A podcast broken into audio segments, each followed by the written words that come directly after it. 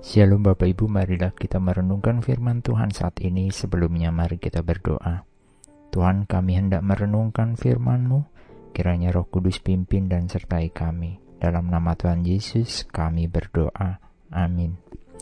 Bacaan saat ini diambil dari Mazmur 33 ayat 18 hingga 19. Mazmur 33 ayat 18 hingga 19.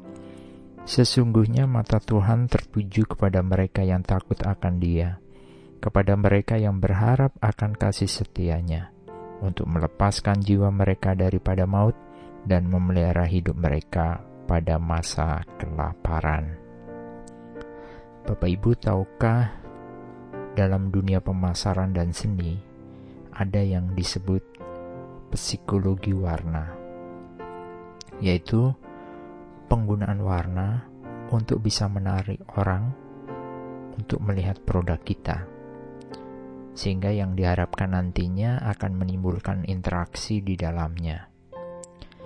Seseorang akan segera menoleh atau melihat, bahkan memperhatikan dengan seksama dengan adanya warna tersebut.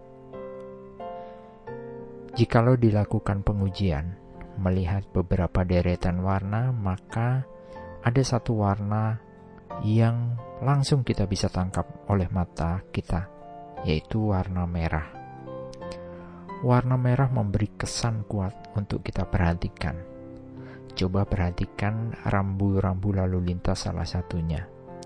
Rambu dengan warna merah adalah rambu yang harus mendapat perhatian khusus dari kita atau dari kita yang melihatnya. Seperti dilarang berhenti, hati-hati, bahaya, dan lain sebagainya. Semuanya menggunakan latar merah, atau bahkan mungkin dengan huruf merah. Sama dalam relasi iman kita dengan Tuhan. Tuhan juga menjatuhkan pandangan pada hal-hal khusus. Ini bukan mengenai warna, tetapi terhadap tindakan kita. Setiap manusia di dalam dunia ini Tuhan pelihara tetapi siapakah yang lebih mendapat perhatian Tuhan?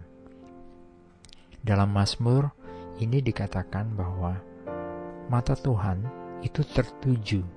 Artinya, ini secara khusus menarik Tuhan dan mendapat respon Tuhan untuk memperhatikan. Apa yang Tuhan perhatikan? Yaitu setiap kita yang takut akan Dia dan berharap akan kasih setianya. Jadi jika kita mau hidup diperhatikan, dilepaskan dari maut, dan dipelihara kehidupan kita, jadilah pribadi yang takut akan Tuhan dan berharap kasih setianya. Maka mata Tuhan akan secara langsung tertuju pada kita. Amin. Mari kita berdoa.